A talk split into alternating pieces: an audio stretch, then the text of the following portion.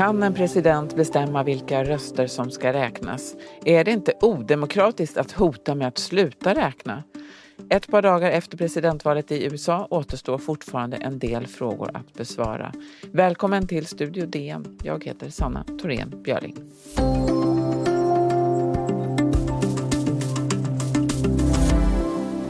Under valkampanjen bäddade Donald Trump för att rucka på förtroendet för själva valresultatet. Många hoppades att valet skulle bli tydligt åt ändra hållet, men så, fick, så blev det inte och då fick USA problem. Jag sitter här i ett soligt Washington och med mig har jag Karin Eriksson som är på plats i Pennsylvania. Välkommen! Tack så mycket! Eh, hur mycket har du sovit i natt? Tre timmar tror jag faktiskt. Ja, men det tyckte jag var bra. Jag har sovit 45 minuter. Vi ska vara lite tydliga här. Eh, saker och ting kan ha förändrats från det att vi spelar in detta när klockan är ungefär halv ett lokal tid. Det är halv eh, sju svensk tid på kvällen. Det har, verkar just i detta nu som att Joe Biden har rätt så goda skäl att vara glad. Vi återkommer lite till det. Eh, som väntat så handlar ju det här eh, valet har ju kommit att handla då om poströstning. Karin, bara, kan du bara förklara varför är det så för de som inte är med på allt det här? Ja, det grundläggande skälet är ju att vi befinner oss mitt i en pandemi som har gjort att det är väldigt många fler som förtidsröstar på olika sätt i USA. Bland annat då via poströstning. Det finns andra sätt också. Olika regler i olika delstater. Och väldigt många delstater har också ändrat regelverket för att möjliggöra distansröstning. Och det har ju Donald Trump bråkat om. Framförallt då när det gäller just poströsterna och poströstsedlarna. Och det har han gjort länge. Och du är i Pennsylvania som har blivit lite av ett epicentrum för det här. Eh, hur kommer det sig? Nej men Pennsylvania är ju en av de viktigaste vågmästarstaterna och nu när vi vet hur det gick i Florida som Trump tog hem, de räknar ju tidigt, så eh, riktas ju blickarna ännu mer mot de stater, delstater som är kvar i räkningen. Och i Pennsylvania det visste man ju på förhand att där skulle räkningen ta lång tid därför att man har bestämt sig för att, hade bestämt sig för att inte öppna poströsterna förrän vallokalen hade stängt. Så att räkningen av de förtida rösterna kommer ganska sent. Och man har sagt att röster som poststämplats den 3 november ska räknas vilket innebär att det här kan ta några dagar innan de tickar in. Så att vi, vi vet ganska lite just nu om, om det är egentligen inte, fortfarande inte någon idé att titta på ställningen i Pennsylvania därför att så stor andel av poströsterna som ju väntas gynna då Demokraterna och Biden har inte räknats än. Jag ska säga varför gynnar de Biden? Jo därför att det är ju som med allting annat då med pandemin är väldigt polariserad så den här idén om, om det är klokt att rösta på distans eller i vallokal. Den är också väldigt politisk i USA. Det är därför man tänker hela tiden att alla poströster kommer att gynna Demokraterna och det är därför Trump också bråkar så mycket om dem. Var någonstans i Pennsylvania är ni? För att det skiljer sig ju då, eh, som vi vet, lite grann beroende på Philadelphia som ligger i Pennsylvania, i östra Pennsylvania, det är jätteliberalt, en storstad. Andra större städer är också oftast väldigt liberala, medan det finns en del delar av Pennsylvania som är väldigt konservativa med, med eh, en befolkning som eh, till största delen röstar på Trump. Var, var har ni varit och vad har människor sagt där omkring er? Vi har ju framförallt varit i storstaden Pittsburgh och i stadskärnan är det naturligtvis det är en ganska, det, det är ju som man säger då, blått eller demokratiskt på samma sätt som i Philadelphia. Men vi, är ju också, vi var ju på ett, ett valmöte för Trump uppe i Butler, det är inte långt därifrån. Och redan då är man ju ute på den så, röda republikanska landsbygden. Um, och vi, i Pittsburgh, stålstaden Pittsburgh har faktiskt också de här små resterna av gamla bruksorter i sitt eget valdistrikt. Så att igår på valkvällen så tillbringade vi ganska mycket tid på ett ställe som heter Braddock. En liten förort som är just en gammal bruksort med fabriker som fortfarande är igång men också man kan se alla de här spåren av problemen för, för industrin i USA på 70 och 80-talet och hur, hur de har bitit sig fast i vissa områden. Och, eh, alltså det, det, det är ganska vackert men det är också ganska nedgånget. Vad säger människorna där då om om det här med poströstning och eh, hur, hur rösterna ska räknas och inte räknas? Alltså, det jag har mött, både bland de Trump-väljare vi mötte i Braddock och de demokrater vi mötte i Braddock eh, och de demokrater framförallt då, som är inne i stan, eh, har alla eh, varit ganska lugna inför processen. Jag tror det har att göra med just i Pennsylvanias fall att man ganska länge har vetat att det här kommer att ta tid, att det här kommer att dröja flera dagar. Så att de var med och sa ja, på, vi får ju besked så småningom. Det blir väl inte förrän på fredag. inte så mycket upphetsade diskussioner. Vi, idag på morgonen så var ju jag och fotografen Lotta Herdelin nere i en stadsdel som heter Manchester som ligger på North side of Pittsburgh. Så vi var inne, eller Lotta var också inne i lagerlokalen där alla poströstsedlar i Pittsburgh Eh, ska registreras och räknas. De visar upp dem för journalisterna under ett stort säkerhetspådrag då för att visa, för att ha en transparent eh, procedur. Eh, det är lite som att komma in på Riksbanken. Ja men, ja, men nu vet, alltså, så här, läget är ju så oklart så vi vet ju inte ens om Pennsylvania blir avgörande eller inte. Det beror på en massa matematik som vi kommer till sen. Men det är möjligt att det här är, är epicentrum för valet i USA. Därför att det är, visst kan man säga, det är ju sannolikt en ganska stor övervikt för Demokraterna eftersom det är ett valdistriktet för storstaden Pittsburgh. Men varje röst i delstaten kommer ju att spela roll. Så att, så att eh, ja, Lotta fick se några svarta plastboxar där på ett verkstadsgolv som, som kanske kommer att avgöra det här valet. Eller kanske inte. Jag mötte folk i, Pits eller i, eh, i Pennsylvania förra veckan som de tyckte att det var eh, synd och skam att man kunde räkna röster efter valdagen. De, de, men de var också Trump-anhängare. Eh, det finns en person som är county commissioner, hon heter Lisa Marie Dealey, hon är i Philadelphia, hon är alltså tjänsteman där och arbetar med valet. Hon säger så här om hur rösterna ska räknas. We'll be done as soon as we're done. We want to make sure that every vote that is uh, legitimately cast and, we, and is good, it gets counted. That's what normally happens in elections. People vote, we count the votes, and, we, and then there's a, there's a winner and there's a, a loser.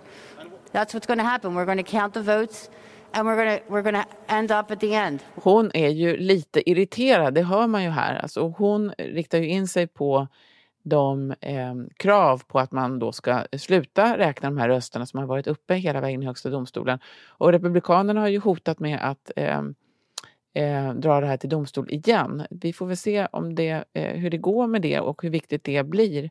Eh, men presidenten, eh, Karin, kan ju faktiskt inte bestämma det här själv. Donald Trump har ju gått ut och sagt att Nej, men nu tycker jag att vi ska göra så här. Det har han väl ingen rätt att göra. Nej, det har han inte. Men däremot kan ju han ju på olika sätt underminera förtroendet för, för valresultatet. Um, och, och att vi kommer att få se många dom, domstolsprocesser, det, det, tror vi nog. Men det, de ligger ju inte i presidentens hand. Vi ska strax tala mer om eh, presidentvalet i USA med Karin Eriksson.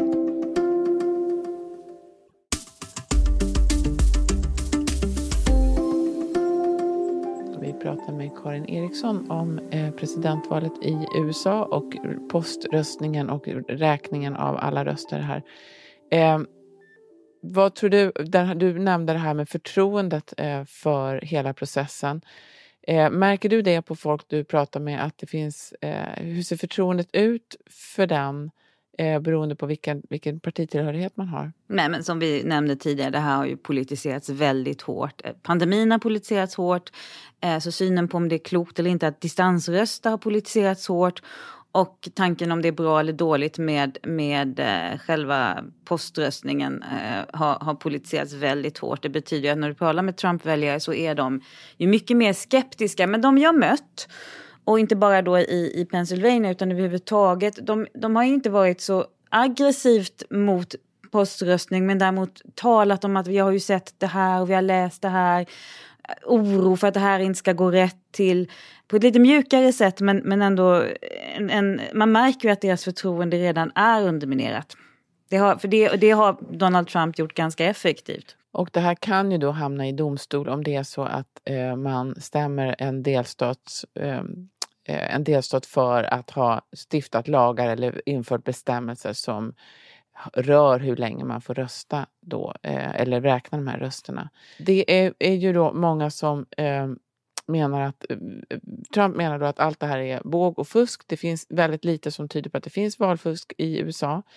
Ehm, men den presskonferens som han höll i, på val, sent på, val, på valnatten, alltså på morgonen svensk tid, då sa ju han att han, han utropade sig själv till vinnare och det har väckt väldigt stor uppmärksamhet. Varför har det gjort det? Nej, därför att det är ju så uppenbart att valet inte är klart och att han, rösterna inte är sluträknade. Han gick, ut, han gick ut och gjorde det här ganska tidigt. Um, han gör, han gör ju det för att ta kommando över processen. Men, och det var ju ganska väntat att han skulle göra det, men det är ju också oerhört provocerande naturligtvis. Efter den korta presskonferensen som var slut så tog vicepresident Mike Pence till orda. Han sa så här. And while the votes continue to be counted, uh, we're going to remain vigilant, as the president said.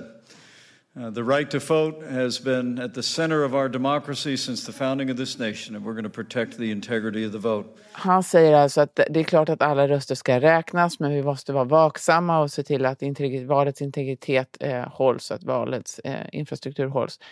Jag skulle vilja veta, Karin, hur du tolkar det här, för att det finns två sätt att tolka det här. Det ena sättet eh, är att man ser det som att vicepresidenten faktiskt tillrättavisar presidenten och säger att ta det lugnt här nu, vi ska minsann räkna alla röster. Donald Trump har precis sagt att jag har vunnit här och nu ska vi sluta räkna, vi behöver inte räkna mer. Vicepresidenten säger så här, det ska vi visst göra, vi ska bara se till att allt går rätt till. Det andra sättet att tolka det, som jag tror att jag eh, gjorde, det var att tänka det som att nu säger vicepresidenten lite grann samma sak som Donald Trump, fast med en lite sam mer sammetslen röst och så säger han att ja, men det är klart att vi ska räkna, men vi måste vara väldigt vaksamma. Och i det ligger att han egentligen vill ha samma mål som Donald Trump, nämligen att man tar det till domstol och säger att nej men det här är inte rätt. Och så vill man eh, vinna valet. Va, hur, hur tänkte du när du hörde det här? Ja, jag undrar om man kan hitta, man kan, kan man sy ihop de här två, två olika sätten att tolka det. det, det jag, jag tycker nog att när Donald Trump har varit ute i de här frågorna om poströstning och någon gång när han öppnade för att skjuta upp valet, att man ändå har sett att det här annars ganska tama republikanska partiet har markerat mot honom lite grann och sagt nej det ska vi inte göra och vi ser nu medieuppgifter i det som Donald Trump då skulle säga är fake news men som säger att ledande republikaner, de skakar på huvudet. Jag, jag, jag, tror att det, är, att det är en faktisk skillnad i, mellan Trump och Pence i, i vad de säger nu. Att Trump använder redan nu använder ord som att det här är bedrägeri så långt tror jag inte att, att en, en, den mycket mer balanserade Pence är beredd att gå. Men däremot så, så kommer alla i Republikanerna att vilja dra allting till domstol. Särskilt när vi ser att det nu är så jämnt i de här delstaterna som inte är klara än. Det är klart att de kommer vilja omräkningar av det. Och det tror jag, där tror jag inte det finns någon åsiktsskillnad mellan Trump och Pence. Men jag tror kanske inte att alla Eh, jag tror, jag tror kanske att det ändå är så att erfarna politiker möjligen kan skaka på huvudet när han, han liksom på förhand, utan att ha prövats i domstolen, kommer med ett domslut. För det är ju vad, vad Donald Trump gör där, när han säger att det här är bedrägeri. Ja, frågan är ju bara hur långt de är beredda att gå för att, för att stoppa Trump. Eh, inte bara för att markera lite, utan om de, kan, om de verkligen sätter ner foten. Och då säger vi som vi brukar, det blir spännande, det här blir spännande att följa för vi har ingen aning. Ja, det blir spännande att följa. ja. Just nu, vi måste ändå återkomma till det, just nu ser det ju väldigt bra ut för Biden. Ja, vi vet inte ja. riktigt säkert, det kan vi veta om några timmar, det får vi se. Eh, så att Pennsylvania kanske inte spelar någon roll. Kan du bara säga någonting om hur det ser ut just nu? Ja men det här, jag har en liten papperslapp framför mig där jag har suttit och räknat nu senaste nytt. Det här om, om men det, det, som det bygger på då det är att om Biden tar hem Arizona, Nevada, Michigan och Wisconsin då når han 270 elektorsröster och det är ju exakt så många han behöver för att bli president i USA. Då behövs inte Pennsylvania. Men som sagt, det här är jämna val så det blir säkert, eller med mycket stor sannolikhet att det blir omräkning av de, de rösterna. Men men ja, han har en möjlighet om han tar hem alla fyra. Jag undrar en sista fråga också. Eh, Trump lär ju bita sig fast i det här och jag tänker att han kanske har målat in sig lite grann i ett hörn också eftersom han har gått ut så hårt med detta och fått så många frågor av journalister eh, kring valet att han egentligen inte har något val annat än att göra som han gör nu. Att han inte utan att förlora ansiktet eh, kan backa. Vad tror du om det? Nej, jag, jag tror att det ligger någonting i det. Och jag tänker lite grann på hur han lät de sista, de sista dagarna. Att det fanns en, en, en viss trötthet och kanske att det ibland har låtit som att han eh, har en viss insikt om, om att det här kanske skulle gå honom ur händerna. Eh, att han också har tittat på mätningar. Han, eh, jag tycker att delar av det här talet han höll i natt, då, är han mer försiktig. Han, han kommer ju inte ut på scenen som en stor vinnare och, och, och, och jublar utan beskriver det här kändes bra, det här kändes bra. Och sen kommer de här, sen, sen går bara den här talepunkterna igång som han inte kan frigöra sig från. Det här måste han driva. Han det är väl den, den person han är. Han har inget val. Han är också, han har liksom, precis som du säger, han har, han har blivit gisslan i sin egen process.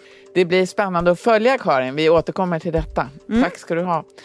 Studio DN görs för Podplay av producent Sabina Marmelakai, exekutiv producent Augustin Erba, ljudtekniker Patrik Miesenberger och teknik Magnus Silvenius Öhman. Jag heter Sanna Thorén Björling.